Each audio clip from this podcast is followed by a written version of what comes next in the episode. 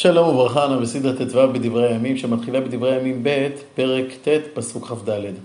את הסדרה הקודמת סיימנו בתיאור עושרו המופלא של שלמה המלך, ועל כך שכל מלכי הארץ שישבו בארצות שסביבות ארץ ישראל ביקשו לפגוש את שלמה ולשמוע את חוכמתו. והם מביאים איש מנחתו, כלי כסף וכלי זהב וסלמות, נשק ובשמים, סוסים ופרדים, דבר שנה בשנה.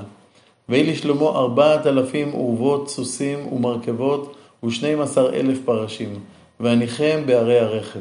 אבל לא כל המרכבות והסוסים היו בערי הרכב, אלא מקצתם ועם המלך בירושלים. מקצתם היו עם המלך בירושלים. בספר מלכים נאמר שהיו לשלמה ארבעים אלף אורוות סוסים. כאן כתוב שהיו לו ארבעת אלפים אורוות סוסים. המלבי מבאר שהיו ארבעים אלף אורוות גדולות, בתוך כל אחת מהם היו עשרה חדרים לבעלי חיים. יש שביארו שהיו לו 40 אלף אורוות בארץ, בכל הארץ, בירושלים היו לו 4,000. בין כך ובין כך יש איזה חוסר נוחות כאשר אנחנו קוראים את הפסוקים הללו, כי כמו שמעיר כאן בפירוש המיוחס לרש"י, ששלמה עבר על האיסור שלא ירבה לו סוסים. נמשיך. ויהי מושל בכל המלכים מן ההר ועד ארץ פלישתים ועד גבול מצרים. כלומר, שלמה שלט, אפשר לומר, כמעט בכל גבולות ההבטחה. ויתן המלך את הכסף בירושלים כאבנים. ואת הארזים נתן כשקמים אשר בשפלה לרוב. ומוציאים סוסים ממצרים לשלמה ומכל הארצות. הרלב"ג מסביר שכל המיסים שהתקבלו ממסחר סוסים, הכל הועבר לשלמה. ושאר דברי שלמה הראשונים והאחרונים, הלא הם כתובים על דברי נתן הנביא ועל נבואת אחיה השילוני, ובחזות יעדו. החוזה על ירובעם בן נבט. אלה שלושת הנביאים שכתבו את, את קורותיו של שלמה. וימלוך שלמה בירושלים על כל ישראל ארבעים שנה, לא כמו דוד שמלך שבע שנים בחברון ורק שלושים ושלוש שנים מלך על כל ישראל בירושלים. שלמה את כל ארבעים שנה שלו מולך בירושלים על כל ישראל. וישכב שלמה עם אבותיו ויקברו בעיר דוד אביו, וימלוך רחבעם בנו תחתיו. וילך רחובעם שכמה, כי שכם באו כל ישראל להמליך אותו. עכשיו זה מדהים מכמה סיבות. ראשית, חז"ל אומרים בכמה מקומות שלא מושכים למלוכה מלך בן מלך. ברגע שהאבא שלך מלך, המלוכה עוברת אליך בצורה טבעית, כמו שכתוב בפסוק הקודם, וימלוך רחבעם בנו תחתיו. כלומר, גם רחבעם בעצם מלך בצורה טבעית אה, אה, אחרי מותו של שלמה. אה, אבל גם אם רוצים להמליך אותו, הרי כשבאים להמליך את דוד, כל ישראל מגיעים לחברון, שם דוד שוכן. והנה כאן היה ראוי לצפות שישראל יגיעו לירושלים על מנת להמליך את שלמה, אבל לא, הם, הם, הם בשכם, והוא מגיע עליהם על מנת שהם יקבלו עליהם את uh, מלכותו. צריך להגיד ששבטי ישראל לא כך רצו במלכותו של רחבעם, הם הסכימו לקבל אותו רק אם הוא יקבל את התנאים שהם הציבו לו.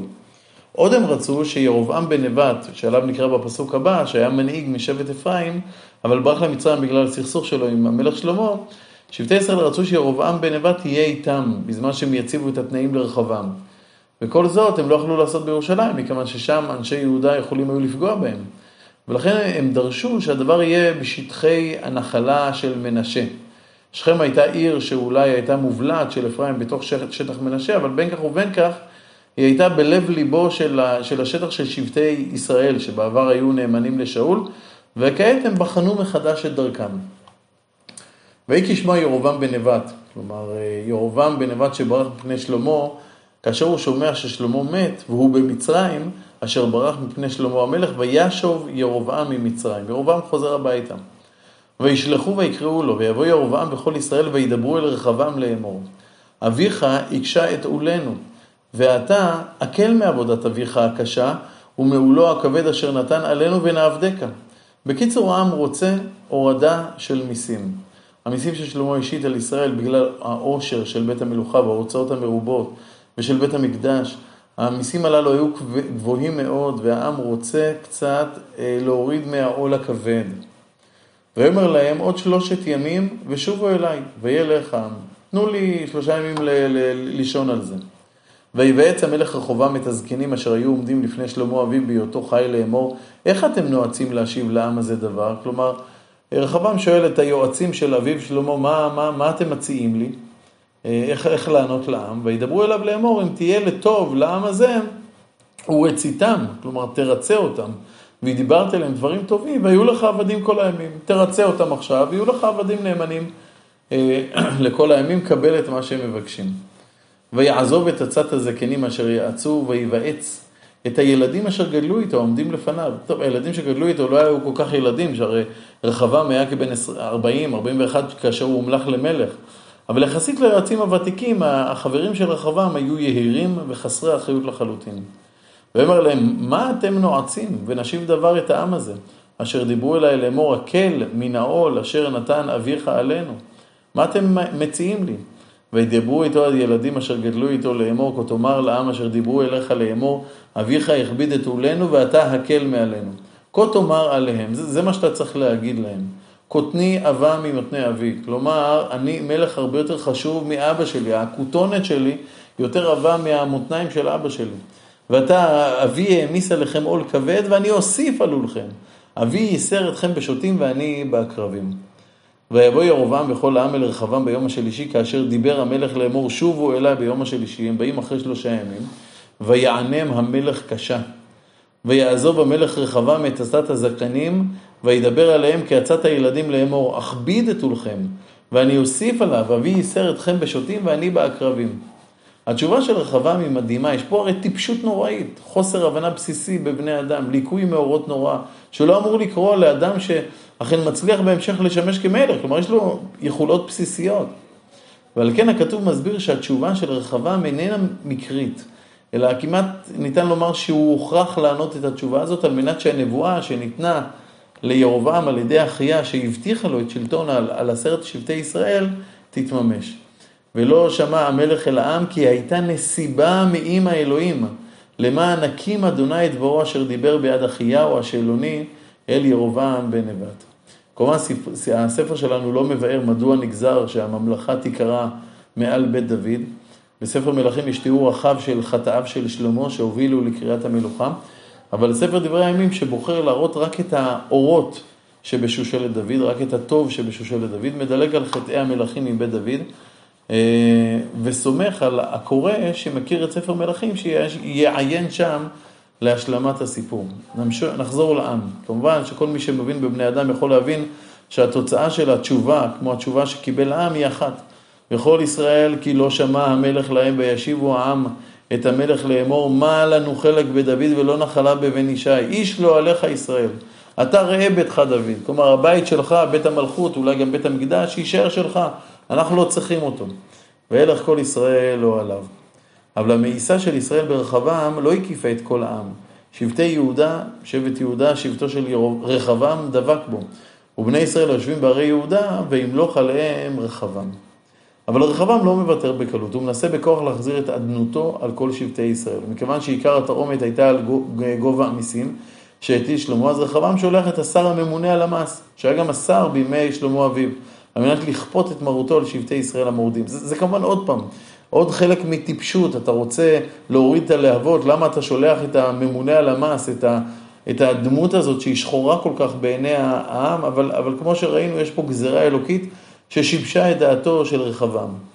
וישלח המלך רחבעם את הדורם אשר על המס, וירגמו בו בני ישראל אבן וימות. ורחבעם מבין את עומק הסכנה ואת עומק הנחישות של המורדים, והמלך רחבעם התאמץ לעלות במרכבה לנוס ירושלים, ויפשעו ישראל בבית דוד עד היום הזה, זהו הקרע באמת קרה. ויבוא רחבעם ירושלים, ויקהל את בית יהודה ובנימין 180 אלף בחור עושה מלחמה להילחם עם ישראל, להשיב את הממלכה לרחבעם. רחבעם מחליט לצאת למלחמה על ישראל על מנת לכפות עליהם את מלכותו. שהרי הצבא הסדיר הוא הצבא שלו, העוצמה הצבאית היא שלו, יש לו את כלי המלחמה, לכאורה ניצחון מובטח, אבל כאן מגיעה הנבואה. ויהי דבר אדוני לשמעיהו איש האלוהים לאמור. אמור אל רחבעם בן שלמה מלך יהודה ואל כל ישראל ביהודה ובנימין לאמור. השם שולח את הנביא ישמעיהו אל רחבעם מלך יהודה. לא מלך ישראל, אלא מלך יהודה בלבד. זו הגדרה אלוקית. והציווי שהנביא מצווה לומר לרחבעם, הציווי הזה ברור. כה אמר אדוני לא תעלו ולא תילחמו עם אחיכם, שובו איש לביתו, כי מאיתי נהיה הדבר הזה. יש פה גזרה אלוקית, כך צריך היה להיות. וישמעו את דברי אדוני וישובו מלכת אל ירובעם. רחבעם מוותר על עיקר ארצו בשל אותו ציווי אלוקים. וישב רחבעם בירושלים ויבן ערים למצור ביהודה. רחבעם, שהממלכה שלו הצטמקה, בונה ערים מבוצרות שיכולות לעמוד בפני מצור. ויבן את בית לחם ואת איתם ואת תקוע ואת בית צור ואת סוחו ואת עדולם ואת גד ואת מרשה ואת זף ואת הדוריים ואת לכיש ואת עזקה ואת צורעה ואת איילון ואת חברון אשר ביהודה ובבנימין הרי מצורות. ויחזק את, את המצורות וייתן בהם נגידים ואוצרות מאכל ושמן ויין, כלומר שם שם, הוא מחמש את הערים האלה כדי שיוכלו לעמוד במצור ארוך, נותן שם הרבה אוכל ושמן ומים. בכל עיר ועיר צינות ורומחים, כלומר גם נותן כלי נשק בכל עיר ועיר, בקנה מלחמה, כדי שכל עיר תוכל לעמוד במצור בפני עצמה.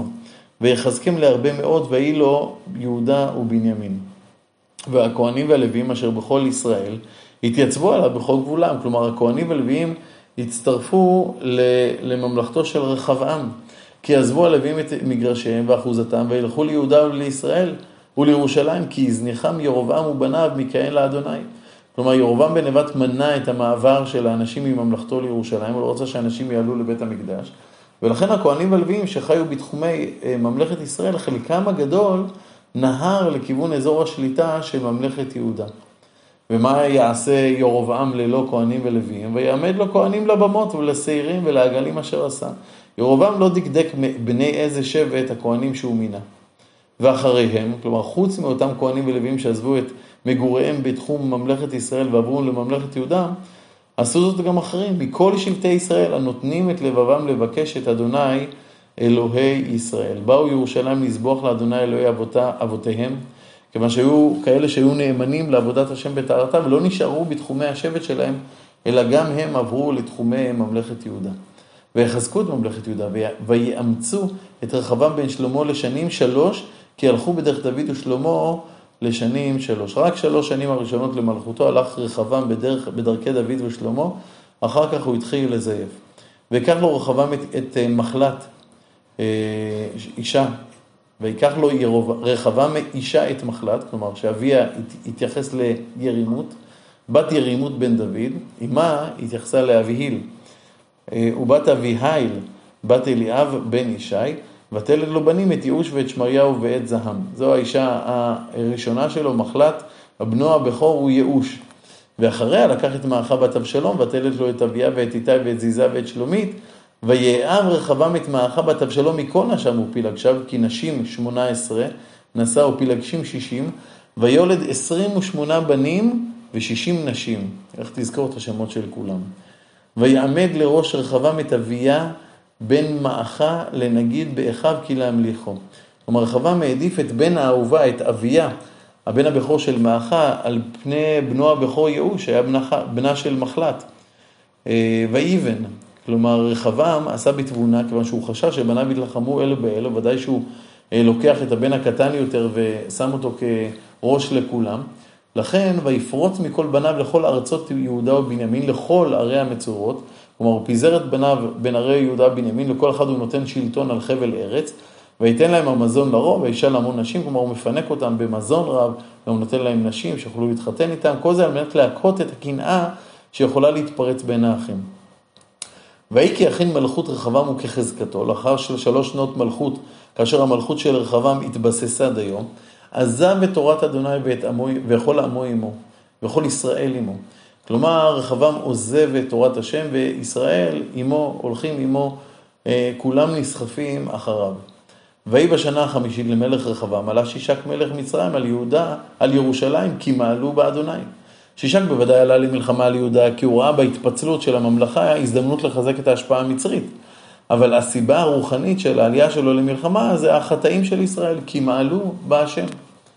ב-1200 רכב וב-60 אלף פרשים, ואין מספר לעם אשר באו עמו ממצרים, לובים, סוקים אה, וחושים, וילכוד את ערי המצורות אשר ליהודה ויבוא עד ירושלים. הוא מצליח אה, בעצם לכבוש את ערי יהודה, מגיע לירושלים, בונה שם אה, מחנה צבאי מול ירושלים. ושמעיה הנביא בא לרחבם ושרי יהודה אשר נאספו אל ירושלים מפני שישק, ויאמר להם, כה אמר אדוני, אתם עזבתם אותי, ואף אני עזבתי אתכם ביד שישק. ויכנעו שרי ישראל והמלך ויאמרו צדיק אדוני. כלומר, הם מקבלים עליהם את הדין האלוקי, ש... ומבינים גם, הם, הם עזבו את השם והקדוש ברוך הוא עוזב אותם. ובראות אדוני כי נכנעו, היה דבר אדוני לשמעיה לאמור. כלומר, הקדוש ברוך הוא רואה שהם חוזרים בתשובה, והוא פונה שוב פעם לשמעיה לאמור, נכנעו, לא אשחיתם. בגלל שהם חוזרים בתשובה, אני לא אשחית אותם. ונתתי להם כמעט לפלטה, מעט ינצל ויישאר לפלטה. ולא תיתח חמתי בירושלים ביד שישק. כעת מגיעה העצה שהנביא נותן למלך, כי יהיו לו לעבדים, כלומר תיכנע בפני שישק. וידעו עבודתי ועבודת ממלכות הארצות. כלומר, אז שתיכנע בפני שישק, תבין את ההבדל בין עבודת אדם לעבודת השם. אם תבחרו שלא לעבוד את השם, אז תעבדו בשר ודם. ורחבעם אכן נכנע בפני שישק. ועל שישק מלך מצרים על ירושלים, ויקח את אוצרות בית אדוני ואת אוצרות בית המלך, את הכל לקח, ויקח את מגיני הזהב אשר עשה שלמה. ואחרי ששישק עזב את הארץ, ויעש המלך רחבעם תחתיהם מגיני נחושת. כלומר, לא היה לו אפשרות לעשות מגיני זהב, שהרי שישק רוקן את אוצרות המלך, ולכן רחבעם עושה מגיני נחושת שהצבע שלהם מזכיר את הזהב. והפקיד על יד שרי הארצים השומרים פתח בית המלך. ותפקיד המגינים הללו היה, ויהי מדי בוא המלך בית אדוני, באו הרצים ונשאום. כל פעם שהמלך הגיע לבית השם, אז הרצים היו נושאים את המגינים לפניו. וכשהמלך שב לארמונו, והשיבום אל תא הרצים. עד כאן הסדרה שלנו.